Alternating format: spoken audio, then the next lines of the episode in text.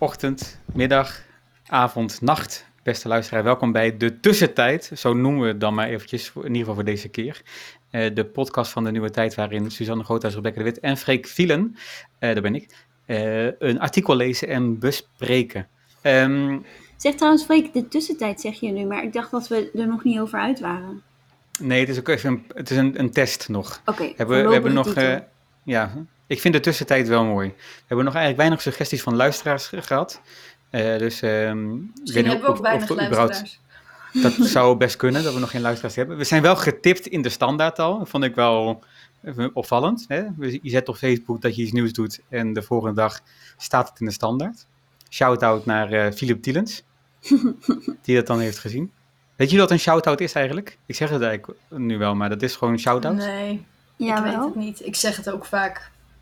En oh, ja? uh, uh, ik roep even naar de persoon in kwestie. Een shout-out. Ja, ja, ja. Shout-out, shout-out naar Philip Tielens. Als je dit hoort, Philip Tielens, ja. dikke vette shout-out voor jou. Um, en nu nog een titel bedenken. Uh, ja, ik heb een artikel nu gelezen afgelopen zaterdag, wat ik wel interessant vond. Maar eigenlijk, zeg maar, vond ik meer dan het artikel, vond ik nog, zou ik het interessant vinden om te horen hoe dat voor jullie gaat. Uh, en dat heeft namelijk te maken met de, de, de, de mannen-emancipatie. En dat, de, dat die nodig is, zodat de vrouw uh, geëmancipeerd kan blijven werken. Maar, en de grap is een beetje dat jullie allebei nu met twee zieke kinderen thuis zitten. Of in ieder geval of hoe, tenminste, we hebben, we hebben vanochtend proberen te brieven. En jullie zijn allebei zo vijf minuutjes in de Zoom geweest. En daarna weer uit de Zoom vertrokken. Vanwege uh, het nageslacht dat uh, aan jullie rokken kwam trekken. Die jullie niet eens aan hebben, die rokken. Maar hoe gaat het ermee? Vandaag ben ik ontevreden. vertel, vertel Beck, vertel over je ontevredenheid.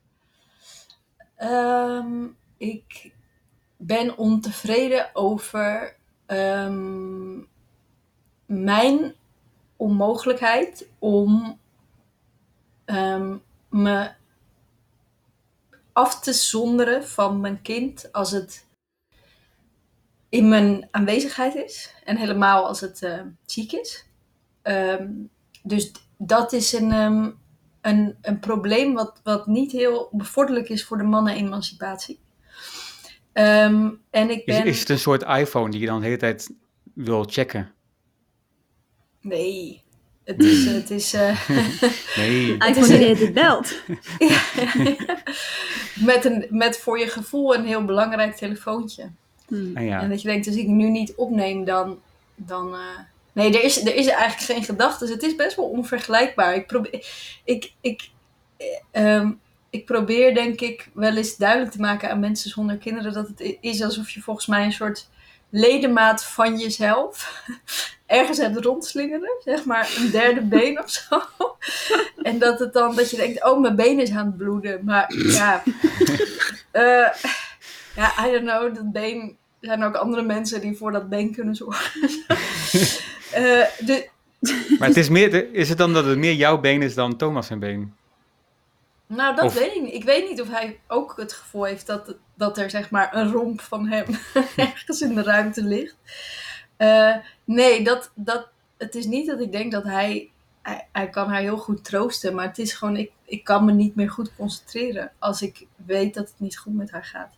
Hmm. Um, en daar, een consequentie daarvan is dat um, ik geneigd ben mijn bezigheden makkelijker op te geven. Uh, omdat, ik, om, omdat er iets belangrijkers is. En dat heeft dus in die zin maakt mijn onderhandelings... Belangrijker dan deze podcast. Bijvoorbeeld.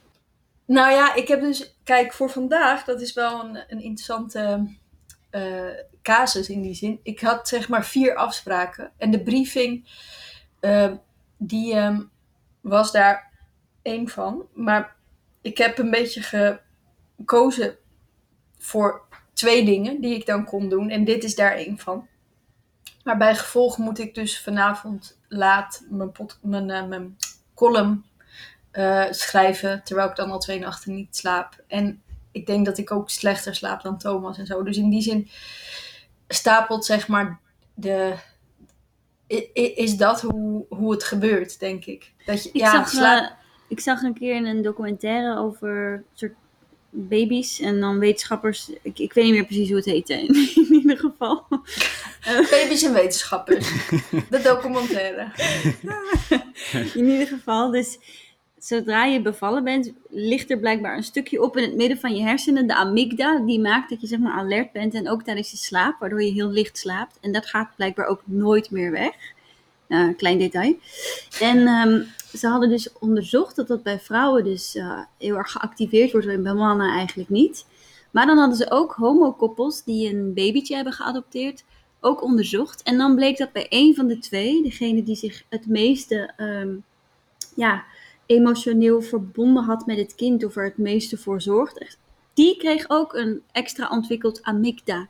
En ik vond dat zo interessant. Dus een man zou het op zich kunnen, maar ja, ze doen het Ja. gewoon niet. Maar is het dan zeg maar, omdat de vrouw het al doet? Dat er dan, eh, Waarschijnlijk, de- ja. Waarschijnlijk is er een soort acute nood die al ingevuld is door een vrouw. Zeker die eerste periode met het voeden van het kind s'nachts en zo. Dat je dan gewoon die taak op dat moment verdeelt en nooit meer herverdeeld krijgt of zo. Bij mij in de eerste week na mijn bevalling was dat wel anders. Omdat ik zo uitgeput was dat ik een soort dronken op bed lag. Maar goed, daarna... Je mag niet Eh, drinken tijdens je zwangerschap, hè, Beck? Nee, de, dronken van vermoeidheid en eh ehm, liefde. Ja. Ik zie dan voor me dat je zo la la la la best wel een Hey, beetje- stil aan de overkant, stil. Ja, ik was maar- wel echt een beetje high. Maar anyway, ja, dus dat, dat is, dat is, eh, dat voeden maakt wel, maakt een, maakt een, eh, geeft een, een valse start of zo. Ehm, en, ehm, maar ik moet zeggen dat dus, dus werken wel echt geholpen heeft om dat een beetje recht te trekken. Want toen was Thomas gewoon zeg maar de chef-kok van het gezin. En ehm, ik kwam s'avonds vet laat thuis en, en, en ja, Hmm. dan, dan is het gewoon de, de, Zet het, de, het vuilnis buiten en dan eh, ging je tukken. Ja, nee, zelfs dat deed ik niet. Ik deed echt helemaal niks. Hij deed gewoon alles. Ehm, ik, ik, ik heb zelfs, dat is, ja, tot, nou ja, tot mijn schaamte weet ik eigenlijk niet. Maar ik heb hier, ik woon hier nu een jaar, ik heb nog maar twee keer het vuilnis buiten gezet. dus dat is sowieso niet echt een taakje wat ik snel doe, geloof ik. Eh, Zo- Zo'n ja. klassiek mannentaakje, toch? Zeg maar, als je toch over mannen- en vrouwentaak hebt. ja, is dat omdat, omdat je dan in het donker naar buiten moet s'avonds, denk ik. Misschien omdat je er niet zoveel fout mee kan doen. Ja, de wasopvouwen vereist misschien meer precisie. Nou ja, nee, of oké. meer. Een fijne motoriek. Ja, precies. Toch wat Nee, meer intelligentie nodig voor de wasopvouwen. Of dat je gewoon minder kan schelen. En dat je dan, dat je dan het op een toch de verkeerde manier doet. Waarop dat je dan, als je het wel kan, Nee. het je, je kan schelen. Klopt. Precies. Nu vouw ik ook de was niet op in Oh, dit huishouden. nice. Ja, je hebt ja, het echt goed geregeld. ja. Zeg maar, ik voordat ik- wel veel. Voor, voor, voor- misschien eh, zijn dit allemaal een beetje... ehm, ons, ik weet niet of je per se het- ons hele huishouden wilt weten hoe dat werkt, Freek. Want ik ben wel benieuwd naar je artikel. Nee, ja, nee, dat, het, het gaat hierover. Dus eigenlijk is het een voorslag op waar het artikel over gaat. Maar het, is, het, het plaatst meteen ook deze, het artikel in een, in een praktische dagdagelijksheid.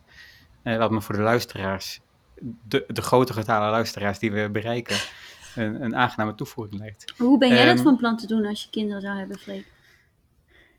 Ja, nou, ik ben benieuwd hoe dat gaat, zeg maar. Want het is natuurlijk, het is natuurlijk een, een, een ehm, door- als je me nu zou vragen, zou je graag halftijds willen werken en, en, en de andere helft van de tijd met je kind eh, eh, bezig zijn? Zou ik zeggen, ja, prima.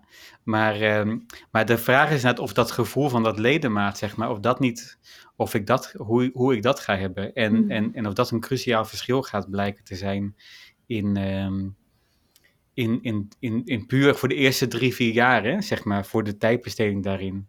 Hmm. Dat, daar ben ik wel nieuwsgierig naar. Ik had echt veel praatjes voor, voor mijn bevalling over, over gelijkheid. Of hoe je het zou doen. Ja, die praatjes heb ik niet meer. Nee? Nee. Ben je teleurgesteld in jezelf? Nee, helemaal niet. Nee, nou ja, nee, nee. Ik ben, ik ben, ik ben, eh, ja, er is wel veel gebeurd in die zin dat ik, dat ik echt het gevoel heb dat, ehm, eh, dat het een, heel, een, ja, dat het echt, nou die keerkringen, waar dat in het boek van Julian Barnes, wat jij citeert in je voorstelling, Freek, over dat, dat je in het leven in bepaalde, zeg maar, keerkringen terechtkomt en dat die, ja, onherroepelijk, dus op het moment dat er iemand, een, een, een eh, dat je, jij seks hebt gehad, maar je leeftijdsgenoten nog niet, dat je dan in een soort ander uh, ander ja, gebied Julian Barnes zegt net dat je, dat, drie, dat je drie keerkringen hebt. De eerste keer dat je eh, eh, seks hebt ervaren, de eerste keer dat je liefde hebt ervaren, de eerste keer dat je dood hebt ervaren. Maar jij zegt nu ook, dat is misschien een vierde keerkring, de eerste keer dat je een kind hebt gekregen. Wat ik onwaarschijnlijk vind aan die drie, zeg maar, ik heb het alle drie. En dat ik, ik vind ondenkbaar dat het hebben van een kind daar niet bij staat. En voor mij is dat echt, zegt dat heel veel over ho- hoe we de wereld hebben vormgegeven. Dat is gewoon allemaal, zeg maar, alle systemen, alle, alle verbeelding, alle eh, manieren waarop we de dingen georganiseerd hebben, is gewoon, zeg maar, in principe zonder kinderen of zo. Of zo- zonder kinderen. En, en dan moet je dat, zeg maar, in je privéigheid regelen. En het feit dat hij kinderen niet noemt als keerkring, zegt voor mij ook dat het. Eh, en dat kinderen vaak als vrouwelijke problemen of vrouwelijke toestanden worden voorzien. En dat er dus ook heel weinig mooie dingen worden geschreven. Of zeg maar eh, dingen worden geschreven over kinderen krijgen die tot de kanon behoren. Dat vind ik echt heel problematisch. Want daardoor had ik, denk ik, daardoor had ik ook gewoon zo'n slechte ehm, Ja, ja, ja. inlevingsvermogen. En heb ik ook zeg maar mensen om me heen echt ook tekort gedaan. Door niet te, op een of andere manier ooit een, een, een soort verbeelding te hebben gekregen bij wat het behelst om. Eh, dus, dus ja, eh, die. Ik ben Bedoel niet je dan zeg maar, bedoel je dan van eh, dat je vroeger dacht, maar breng die kind gewoon in de oppas of laat Ja. dan je, je man er even verzorgen, kom, kom naar mijn ding. Ja, ja, totaal. En, en dat ik, ik zeg maar wat, wat dat, ehm, en ik was ook heel erg bang om zeg maar mijn leven te verliezen. Maar ik realiseerde, door, toen ik zwanger was, maar ik realiseerde me niet dat je natuurlijk eigenlijk leven terugkrijgt of zo. Dus het wordt altijd geframed als een soort heel, kinderen krijgen als een soort heel ehm, Verlies of zo. verlies en een soort ook burgerlijke keuze. Terwijl het ongeveer het wildste is wat ik ooit heb meegemaakt. En daardoor moet je dat omkaderen met zoveel veiligheid. Omdat het gewoon anders, zeg maar... Het is gewoon craziness of zo. dus is het gewoon heel logisch dat je gewoon een vet veilig kader daaromheen creëert... om die wildheid, zeg maar, in te pakken of zo. Dus, dus ik, Mm. ik ben niet teleurgesteld in mezelf, maar ik ben wel, ik denk, hè, maar er mist echt een enorm scala aan taal en grammatica om hierover te kunnen spreken. En ben ik in die zin dus wel, had mij zeg maar wel een soort zwangerschapsdepressie bespaard kunnen blijven, als ik iets meer, als er iets meer ehm, taal en verbeelding had bestaan naast ehm 24zwanger.nl en dan, oh, je bent waarschijnlijk mm, al super mm, babyrompertjes aan het kopen. Zo, er is gewoon, nou ja, dus, dus, maar goed, dit gaat niet over emancipatie. Maar ik denk wel dat, ik vind het heel jammer dat dat dus een, een vrouwending, eh, het is gewoon echt het leven zelf. En dat we daar zeg maar geen taal voor hebben, dat vind ik echt absurd. Nou ja, in die zin is het wel interessant, tenzij jij sowieso al iets te zeggen hebt. Mm-mm. eh, de, dit is een artikel van Mark van Ostaaien, eh, een man. ehm, gelezen door, door mezelf, een, ook een man. Dus ik ben wel benieuwd, zeg maar, of dat, hoe, hoe daar de, ehm, de blinde vlek, of, of, of jullie daar denken van, ja, wat jullie daarvan denken eigenlijk. Ja. Dus het is ook helemaal niet zo, het is ook niet zo dat ik denk, ja, dit is zeg maar zoals ik het denk, maar meer van, vooral ben ik heel nieuwsgierig naar hoe jullie, twee jonge moeders, eh, hier, wat jullie van denken. Ik denk wel dat er ook meer en meer over geschreven wordt hoor. Maar dat het gewoon heel lang niet zo is geweest. En ik denk dat de generatie van mijn moeder ook weer allemaal ideeën daarover had hoe je het moest doen. En dat die nu gewoon aan het veranderen zijn of zo. Eh, Kan je daar een voorbeeld van geven? Ehm, ik denk dat mijn moeder bijvoorbeeld het heel gezond vond dat een kind niet enkel door de ouders wordt opgevoed, maar dus bijvoorbeeld opvang en zo, dat het allemaal heel erg soort pedagogisch eh, ideaal of zo is. En ja, dat legde dus de focus weer op, op zulke soort dingen. En ik vind het nu, hoe, wij het beleven, heel, inderdaad, zoals Rebecca zegt, heeft het iets heel eenzaam of zo. Heel erg binnen het gezin alleen. Maar, enfin, dat, die Nee, ik wil het graag wel weten, want, want dan, je moeder heeft het misschien ook heel erg het ideaal gehad van opvoeden door een commune. Ja, ik denk wel meer zo'n beetje jaren zeventig, zo meer het idee van het eh, it takes a village to raise a child, wat, wat heel erg waar is, denk ik. Maar om een of andere rare reden zijn we dat nu zo individueel gaan doen, dat eh, ik, ik ben daar wel soms wat verdwaald in of zo. En ehm, ik vond het eigenlijk een heel eenzame en inderdaad, zoals Rebecca zegt, een van de wildste dingen die je meemaakt of zo. Maar ook heel eenzaam. En dat had ik eigenlijk niet verwacht. Ja, dit, gaat, dit, dit essay, dit artikel gaat heel erg over dat de, de positie van de vrouw op de arbeidsmarkt. Dus niet Ja. eens zozeer zeg maar, van hoe eh, ehm, vrouwen zich in het gezin, of zeg maar eigenlijk van hoe de vrouw op de arbeidsmarkt de, de, de babyboete, zo wordt het genoemd geloof ik, betalen. De boete op Ja. baren. De, ja, de barenboete, de babyboete. Zo, dus dat, dat, dat vrouwen over het algemeen minder geld verdienen, minder werken, eh, minder hoge functies hebben. En, en dat, daar, daar gaat het artikel over. Wat zeker Eh. in tijden waarin trouwens één op de twee gezinnen uit elkaar gaan een heel belangrijk onderdeel is. Want het zou heel goed kunnen dat je als vrouw er uiteindelijk dus nog alleen voor staat en dan niet zo'n carrière hebt opgebouwd. Ja. Yes. Vol, voltijd werkende mannen houden de ongelijke positie van vrouwen op de arbeidsmarkt in stand. Deeltijdprinsesjes, tussen aanhalingstekens, moeten zich continu verantwoorden, maar de norm waaraan ze moeten voldoen blijft buiten schot. Een gemiste kans, ook voor de prinsjes. Het artikel is van Mark van Ostaaien. Dat is een ehm, bestuurssocioloog verbonden aan de Erasmus Universiteit van Rotterdam. En hij is ook managing director van de Leiden Delft Erasmus Center Governance of Migration and Diversity. De diversity. Ehm, soms dreunt een zin in de krant nog weken na. Bij de 100 grootste Nederlandse bedrijven zijn meer topmannen die Peter heten, namelijk vijf, dan dat er topvrouwen zijn, namelijk vier. Dat meldden diverse media begin oktober. Het was een relatief klein bericht, maar een groot contrast met de euforie van een paar weken eerder. Namelijk eindelijk wat meer vrouwen aan de top, kopte de Volkskrant toen. In het Algemeen Dagblad en het Financiële Dagblad ging de vlag nog wat meer uit.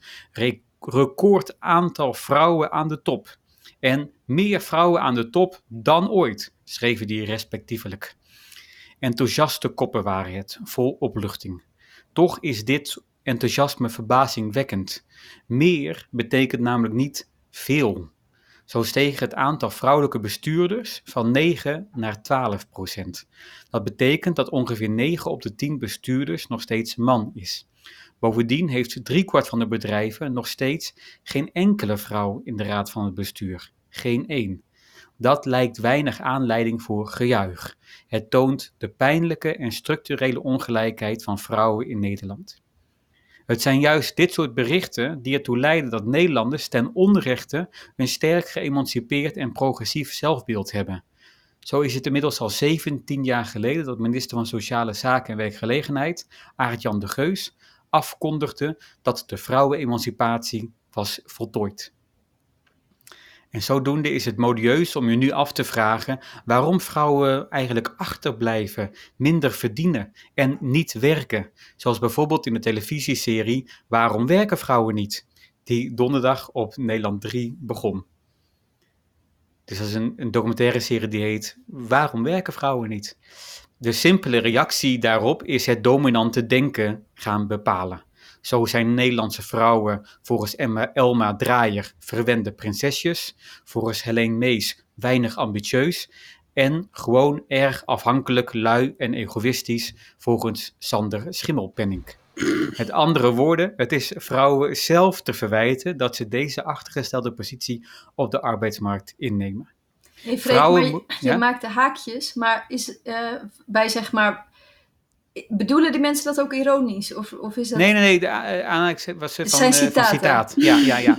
het, het zijn verwende prinsesjes, dat is een citaat van Elma Draaier, eh, Helen Mees. Ze zijn allemaal columnisten, die hebben de afgelopen jaren geschreven over waarom zijn er eigenlijk zo weinig vrouwen aan de top. Nee. Het komt, volgens dan Sander Schemmelpinning, omdat ze graag allemaal deeltijd willen werken. En dan kom je natuurlijk nooit, nooit aan de top. Ja. Ze zijn dus met andere woorden afhankelijk, lui en egoïstisch, volgens Sander Schimmelpenning. Mhm. Eh, met, an- met andere woorden, het is de vrouwen zelf te verwijten dat ze deze achtergestelde positie op de arbeidsmarkt innemen. Vrouwen moeten zich continu verantwoorden en daarmee bevragen we nooit de norm waarvanuit dit als afwijking wordt gezien. De masculine norm, de voltijdnorm, de Hm. kostwinnersnorm. Want wat is de reden dat vrouwen in deeltijdbanen worden geduwd in Nederland? Inderdaad, mannen. Zo heeft 73% van de werkende mannen een voltijdbaan. Niet toevallig heeft 74% van de werkende vrouwen een deeltijdbaan. Want op het moment dat er in, Nederlands, dat er in, in een Nederlands gezin kinderen komen, blijkt uit onderzoek, blijven 9 van de 10 mannen hetzelfde aantal uren werken. Dat is bij jullie allebei niet zo, of wel? Hmm, Nee, Thomas Nee. is minder gaan werken. Eén maar, dag. maar niet voldoende minder bij ons. Nee, Alex is één dag minder gaan werken. Maar dat Dus ging dat is maar een beetje het klassieke papa-dag model. Ja, inderdaad. Soms, Dus dat je, ja, soms noemt hij dat dan ook, ik babysit. En dan moet ik even uitleggen dat dat niet het juiste woord is. nee. Maar ja, dat is natuurlijk wel net zo, dat is net dat je dan één dag meer gaat werken. Dat is natuurlijk niet de helft, hè? Zo, dat is natuurlijk net, Nee, nee, helemaal niet. Dat is net de papa-dag, ja, geinig. Ehm, is daar, is daar, eh, ik, Ja, ga maar verder. Oké. Ik wil weten wat dat dan, of wat voor, hoe de gesprekken daarover dan gingen. Eh, ben ik nieuwsgierig naar. Hm. Ehm, het masculine kostwinnersmodel, waarbij de man voltijds werkt, wedijvert met Zwarte Piet als een van de hardnekkigste Nederlandse tradities. Want de man moet op de straat om zijn handel gaan, het wijf moet in het huis de keuken gadeslaan. Zo dichtte Jacob Katz al subtiel in 1625. Pas in 1997, dat is dan een kleine 350 jaar later, 370 jaar later, werd de rol van de man in de thuissituatie bespreekbaar gemaakt door de sierencampagne Mannen erbij betrekken. Met de bekende re- reclamespot, wie is toch die man die op zondag het vlees komt snijden? Weet jullie dat nog, dat je die Ja, kwam? ja, ja, dat weet ik nog. Ja, dat is voor de Belgen, die hebben dat, ja, die hebben dat niet. Met, wij hebben dan Sieren, en dat is dan Stichting Ideële Reclameuitingen. Mhm. Dat je dan, zeg maar, een groep reclame die af en toe denkt, we moeten ook iets goeds doen. Mhm. De bekendste is misschien wel, eh, je bent een rund als je met vuurwerk stunt, Mhm. tegen het stunten met vuurwerk. Maar in 1997 dachten ze, we moeten toch de man in de thuissituatie Dat was bespreekbaar een goede maken. reclame, weet ik nog. Dat was wel grappig. Dat je zo, ja, het was vanuit de kind, van het perspectief Mhm. van een kind gefilmd, geloof ik. en die dan op die zondag heel zo, bang is voor die persoon die daar aan het hoofd van de tafel staat. ja, die dan het vlees kwam snijden. Oh shit. Ja, het is eigenlijk Sorry, weer beginnersfout. De tweede keer aan Ja. de telefoon ging. Ja, ik ben er. Eh, ook eh, natuurlijk, zeg maar, deze tijd van vegetarisme zouden dat ook alleen al daarom niet meer kunnen, die reclame. Eh, Van vegetarisme, maar meer vleesconsumptie. ja, ja, let, let daarbij op de niet eens zo heel subtiele passiviteit. De hoogste ambitie destijds was namelijk om de man erbij te betrekken. Niet eens om de vader een volwaardig deelnemer aan het gezinsleven te laten zijn. Daarvoor zou de arbeidsmarktpositie van mannen geproblematiseerd moeten worden en dat doen we niet graag in Nederland. Want de regel en de norm is de werkende man. En die behoeft geen enkele aanpassing, zo is de veronderstelling. De werkende vrouw is de afwijking van de norm. Op het moment dat er sprake is van een gerealiseerde kinderwens, zijn vrouwen in Nederland verplicht ongeveer vier maanden uit de relatie, terwijl de man na vijf dagen fluitend weer terugkeert op de werkvloer. Dat fluitend, dat, is een, dat zegt de, de, eh, eh, eh, hoe heet die? Ehm, Mark, dat is Mhm. misschien niet zo, hè, fluitend. Nee, dat denk ik ook niet.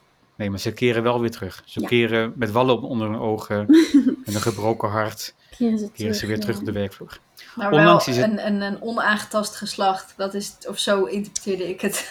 Fluiten. Een is oh, fluitend. een, een, Met een- een nog intact geslacht, ja. een Fluitend. intact geslachtsdeel. Ja. Onlangs is het ouderschapsverlof voor mannen eh, verlengd naar vijf weken. Wat wederom met een zucht van progressieve verlichting is verwelkomd.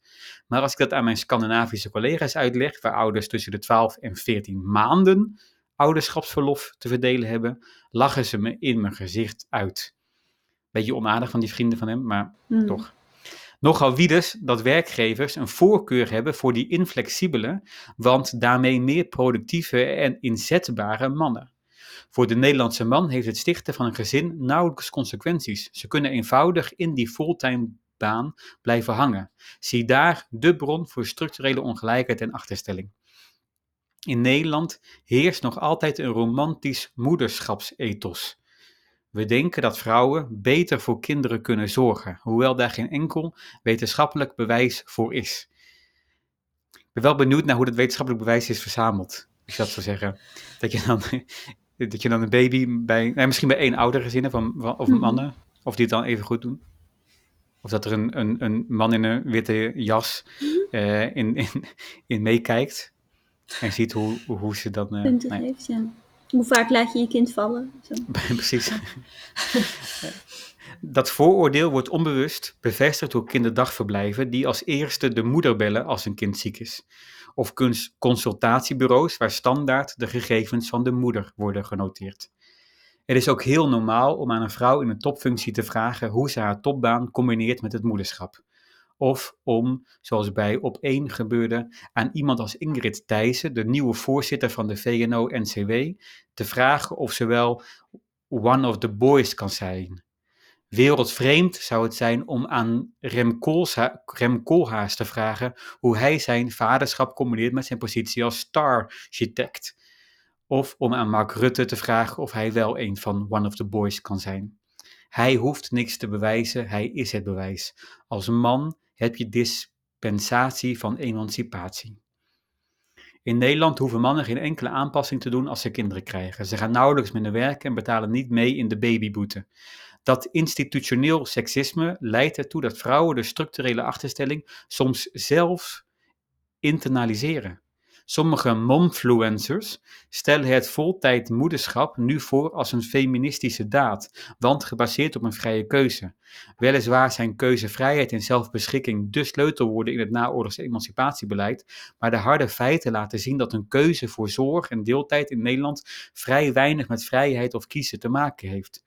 Want naast dwingende wet en regelgeving die de achterstelling van vrouwen op de arbeidsmarkt bevordert, het ongelijke recht op ouderschapsverlof en daarmee dus ongelijke carrièrekansen, doen mannen er thuis en op het werk bewust en onbewust vrijwel niets aan om de arbeidsmarktpositie van vrouwen te verbeteren. In het maatschappelijk debat worden structurele vormen van uitsluiting en discriminatie ten onrechte geïndividualiseerd. Neem de loonkloof, het gegeven dat vrouwen met precies dezelfde baan als mannen structureel minder betaald krijgen, zelfs als er wordt gecorrigeerd voor deeltijdwerk, verklaringen te over. Zo, komt het, uh, zo, zo zou het komen door deeltijdprinsesje, door luxe, door decadentie. Vrouwen zouden minder worden gedreven door geld, minder ambitieus zijn, minder goed in het onderhandelen met hun baas.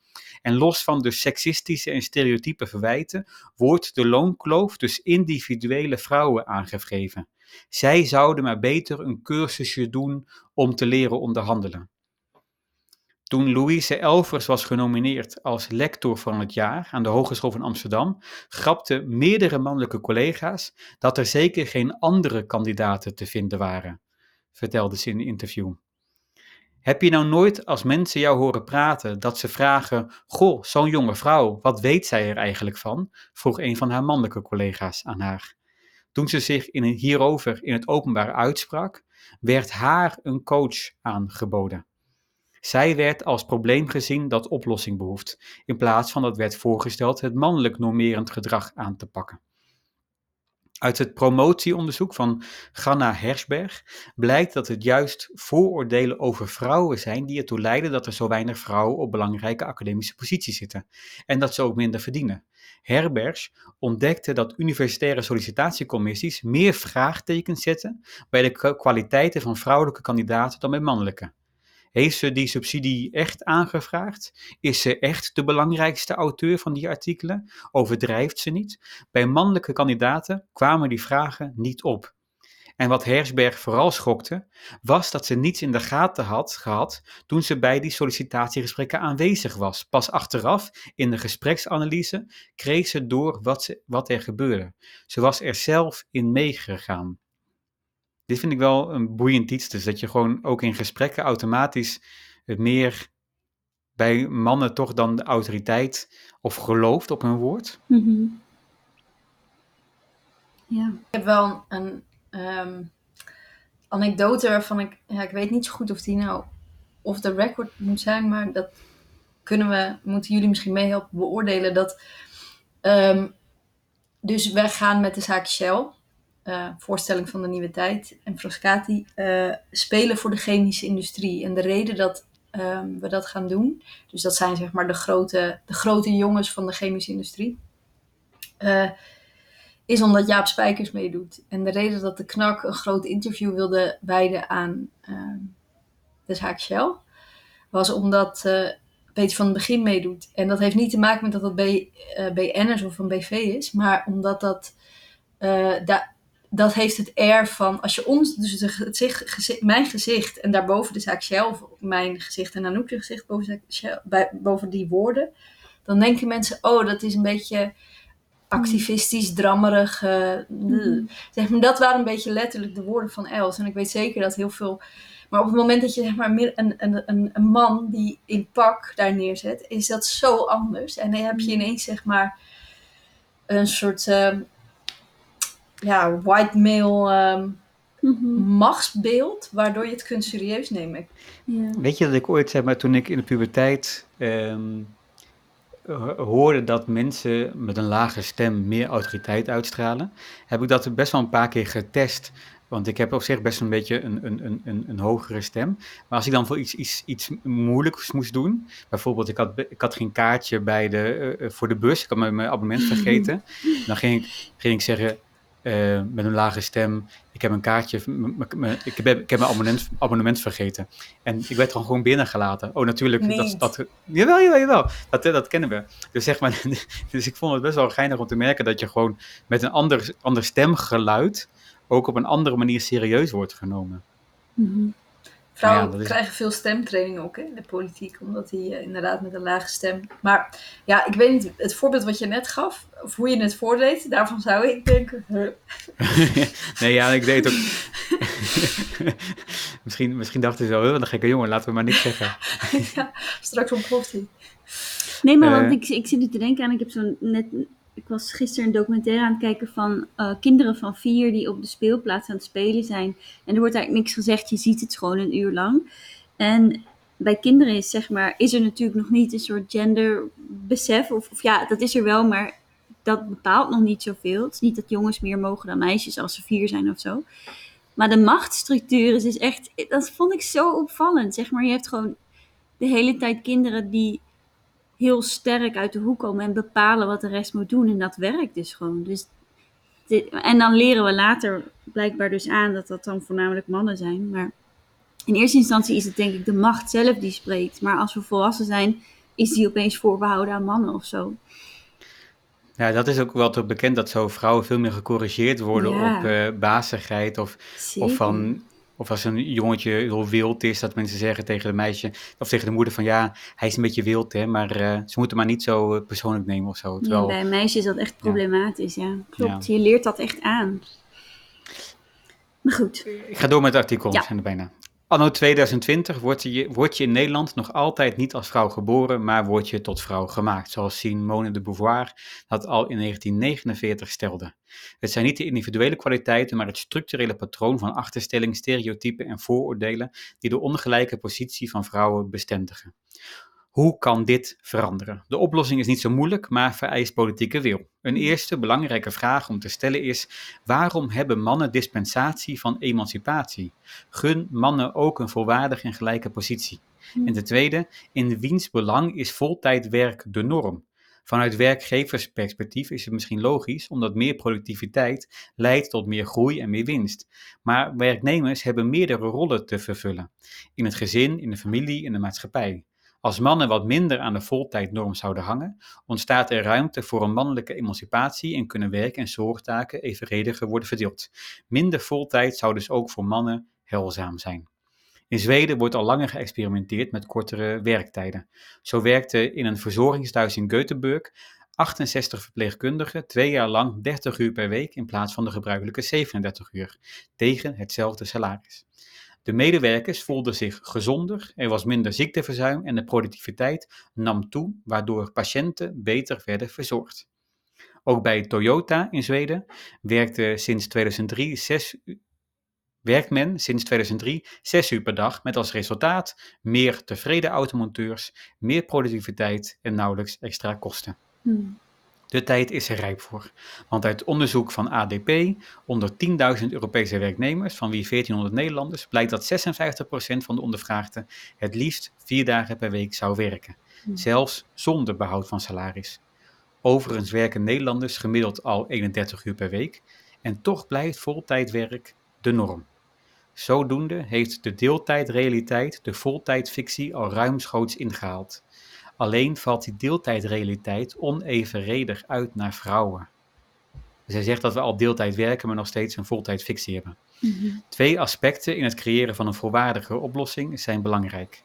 Investeer allereerst eens serieus in toegankelijke en inhoudelijk interessante kinderopvang, zodat kinderopvang niet die dure sluitpost op de gezinsbegroting blijft, die altijd, maar ook echt altijd negatief uitpakt voor vrouwelijke arbeidsparticipatie. Mhm. Maak hiervan een nutsvoorziening.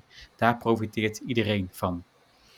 Zorg er daarnaast voor dat mannen en vrouwen dezelfde babyboete betalen. Trek ouderschapsverlof gelijk, zoals in Finland, Zweden, Noorwegen, IJsland en Denemarken, waar er al jaren ervaring mee wordt opgedaan. Daardoor blijven mannen en vrouwen even lang weg van de werkvloer, ervaren vrouwen geen onevenredige achterstand op hun carrièrepad en kunnen mannen meer verantwoordelijkheid nemen voor de zorg en opvoeding van hun kinderen. De keuze voor het krijgen van een kind wordt meestal genomen door twee personen. Laat beide dan ook evenredig de tijd hebben om vanaf het begin in dat gezinsleven te investeren. Hmm. Soms word je wakker in een wereld waarvan je dacht dat die verleden tijd was. Op het gebied van de achterstelling van vrouwen lijk ik soms te ontwaken met ochtendkranten uit de jaren 50. Zolang we de masculine norm niet ter discussie stellen, kunnen vrouwen eindeloos ter verantwoording worden geroepen en blijft het debat cynisch, seksistisch en discrimi- discriminatoire.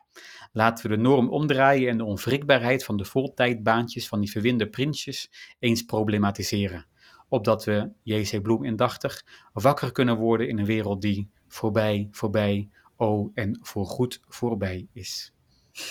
Hmm. Leuk dat het zo poëtisch eindigt. Vind ik ook, ja. Is hij Ja. familie van eh, Paul, denk je? Paul van Ostijen. Weet ik niet.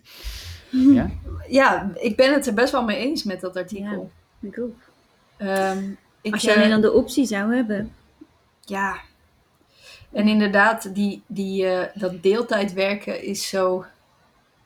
Misschien moet er ook een ander woord voor of zo, omdat het inderdaad. Ja. Waar ik aan moest denken terwijl je eh, aan het lezen was, Freek, was.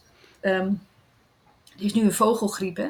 Ehm, en ehm, er werd een expert aan het woord gelaten eh, daarover. En die zei: Ja, dit is eigenlijk een One Health problem.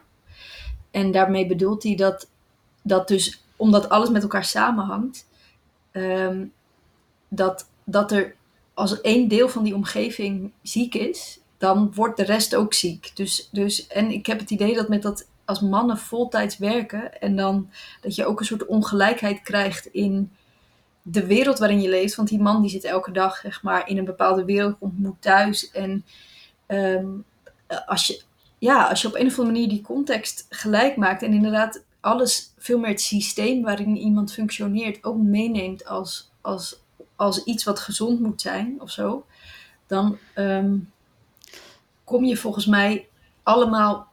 Ja, ik denk dat dat ook zeg maar, de relatie ten goede komt. Ik, ik, ik had even een vraagje tussendoor. Met, hoe is dat dan in Denemarken als een man bijvoorbeeld een kind krijgt en dan een tweede? Is het dan echt zo dat hij gewoon twee jaar zeg maar, niet op zijn werk komt? Want dat lijkt me ook wel weer vrij heftig voor, voor je baan of zo. Of, of, of gaat dat gewoon goed dan of zo? Oh, jij weet dat natuurlijk ook niet. Ik weet, ik weet dat niet. Ik nee, weet dus dat in Duitsland, daar, Ja? is, daar zijn ook best wel eh, goede verlofregels. En dan is het zo dat een vrouw mag vijf jaar, ik geloof een jaar of misschien wel langer, anderhalf jaar eh, onbetaald verlof, eh, betaal, ja, betaald, Betaald verlof. verlof. En dan mag ze tot vijf jaar onbetaald verlof. En dan is haar werkgever het verplicht om haar haar baan terug te geven. Wauw. Maar dat leidt tot heel veel problemen, omdat in de praktijk blijkt dat het gewoon niet zo werkt. Als je vijf Mhm. jaar ergens weg, Weg bent, bent. geweest, Nee. dan. Ja, en dat leidt tot ook weer heel veel ongelijkheid voor zeg maar mensen. Ja, mensen die Ja. dat dan drieënhalf jaar hebben gedaan en dan weer. eh, dus in die zin Ja, dat lijkt me in de praktijk nog wel vrij extreem. Dat een man echt gewoon zo twee jaar achter elkaar, als hij kinderen snel achter elkaar krijgt, uh, even niet naar kantoor iets- gaat, zeg maar. Er zit nog iets anders natuurlijk bij dat, bij dat deeltijd werken versus het voltijd werken. Ja. Want het lijkt een beetje dan alsof we zeg maar vanuit een reden. Kijk, ik snap het als je in een fabriek werkt of je werkt als verpleger en je hebt een inkloktijd en je hebt een uitkloktijd. Dat je dan zeg maar het uitmaakt of je dan om tien uur komt of om vier uur komt. Maar ik denk juist in de, in, in de, in de, in de topsectoren, dus zeg maar of het dan gaat om het hebben van een bedrijf of op de universiteit of in de kunsten. ehm, zit er natuurlijk zeg maar een soort concurrentie dat je beter moet zijn dan de anderen. En die concurrentie is, bestaat eruit, zeg maar, ik, ik denk ehm, dat, er, dat er de meeste mensen die zeg maar een, een, inter- een intensieve voltijdse baan hebben, werken 60, 70 uur per week of zo. Hè? Mhm. Ehm, en, en, en daar is niemand die zich daarin ook dan eh, eh, verplicht om dat dan te doen. Of zo, als je op de universiteit werkt, is niemand verplicht om. Of, nou ja, ik ken mijn eigen vak, ken ik dan beter. Ik bedoel, als je in een, in een repetitieproces, ja, je kunt zeggen, ik stop om vijf uur. Maar als je wil dat de voorstelling echt goed wordt, dan ben je soms gedwongen om dan ook nog die avond door te werken. En dan Mhm. vroeg, en de volgende dag iets vroeger op te staan of zo. Dus ik zit daar een beetje mee met hoe je dan zeg maar een, een deeltijd eh, of een kortere werkweek in dat systeem kan samengaan met, de, met het concurrentiesysteem. Mhm. Nou, wat, waar ik aan moet denken is ehm, dat ik me soms wel eens voorstel, eh, en dat, is dat heb ik niet zelf bedacht, maar Anouk die kwam naar mij en ik vond het best wel een prikkelend idee. Eh, dat ehm, omdat Biden zo oud is en, en, en waarschijnlijk zijn cellen gewoon niet meer zo goed regenereren, dat hij wat trager is, dat het gewoon natuurlijk zeg maar wel eh, het schoolvoorbeeld is van een topfunctie, maar dat hij dus door zijn toestand verplicht is om veel meer samen te werken. Bijvoorbeeld met Kamala Harris. Of, eh, en dat je dus misschien wel nieuwe vormen krijgt van eh, het besturen van eh, grote organisaties, zoals de Verenigde Staten van Amerika. en, en dat, dat nou ja, dat bedoel, als wij op een bepaalde manier, de manier wa- waarop wij met z'n drieën functioneren, ehm als Freek, als jij mij iets zou brieven, bijvoorbeeld over de begroting of zo, dan denk ik dat jij ook wel redundanter bent dan je denkt. Dus dat we, Redundant, wat is het woord? ehm, ehm, dat je, Dingen weglaat. nee, dus dat je, dat je weg kan blijven. Ah, Ja, o- overbodig is eigenlijk. het. overbodig. Ik ben overbodiger dan ik denk. Nee, maar het is dus redundant. Ik, ik zeg niet voor niks redundant, omdat dat een beter woord is dan overbodig. Maar ik wil maar zeggen dat. dat ehm, Ja, ja, ja, dat je jezelf ook misschien minder, minder sterke positie hebt als je dat gaat onderverdelen of zo. Mindere ma- machtspositie of zo. Nee, ik ben, ja, ik ben dus aan het pleiten voor, Mm. voor een, een nieuwe manier van, van macht of eh, dingen leiden of organiseren. En dat dat, volgens mij kan dat ook veel meer in teamverband dan we denken. En zijn we zo geneigd om eh, dingen zo aan personen op te hangen. En, zo. en voor mij is dat ook een heel mannelijk model, dat je zo, zo dus het solistenmodel. Terwijl ik meer naar de bonobo's eh, zou willen overschakelen. Maar, maar dat je dan, bedoel, zeg maar, er is niet dan één positie eh, van- aan de universiteit waarop je kunt solliciteren en degene met de meeste papers op zijn naam krijgt die positie. Maar dus, er, is, er is één positie die ingevuld kan worden in, door twee deeltijdbanen. Die allebei dan ook maar. Maar het zal voor elk beroep echt wel...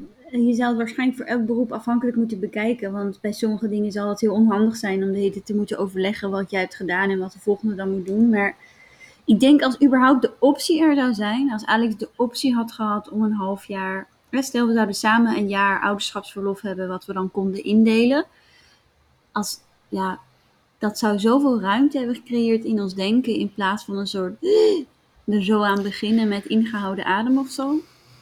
Maar Ja. zou het bijvoorbeeld voor Alex ook mogelijk zijn geweest, of voor Thomas, om zeg maar, dus niet één dag minder te, te werken, maar tweeënhalf dag in de week minder te werken? Zeker. Ik denk, ik denk als ik ooit een tweede kind zou willen, dat dat dan ook gewoon een feit zal zijn. Ik bedoel, ik ga, dit, ik ga dit niet nog een keer zo doen. Dat weet ik zeker.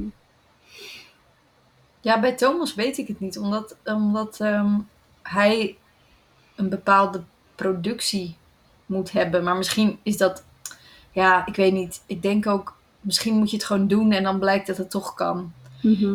Weet je wel, ja. Nou ja, hij zal dan, wat je- in jouw systeem heeft hij dan, zijn er dan twee mensen die zijn functie hebben. Dus die allebei de helft werken. Ja, klopt. Ja, nee, precies. Maar dat is natuurlijk.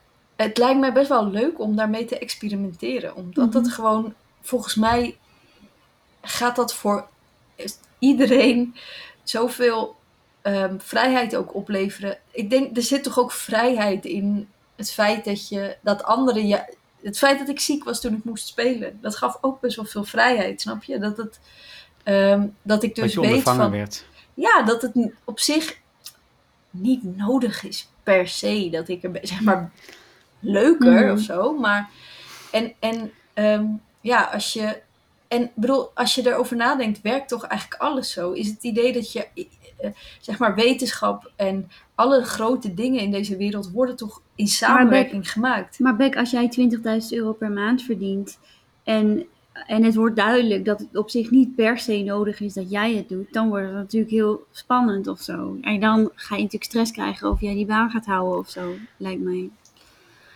Zit een soort ja, dat- bewijsdrang of zo in. Dat die- zijn dan allemaal ego-dingen die je dan ja, ook weer dat is eh, het natuurlijk ook.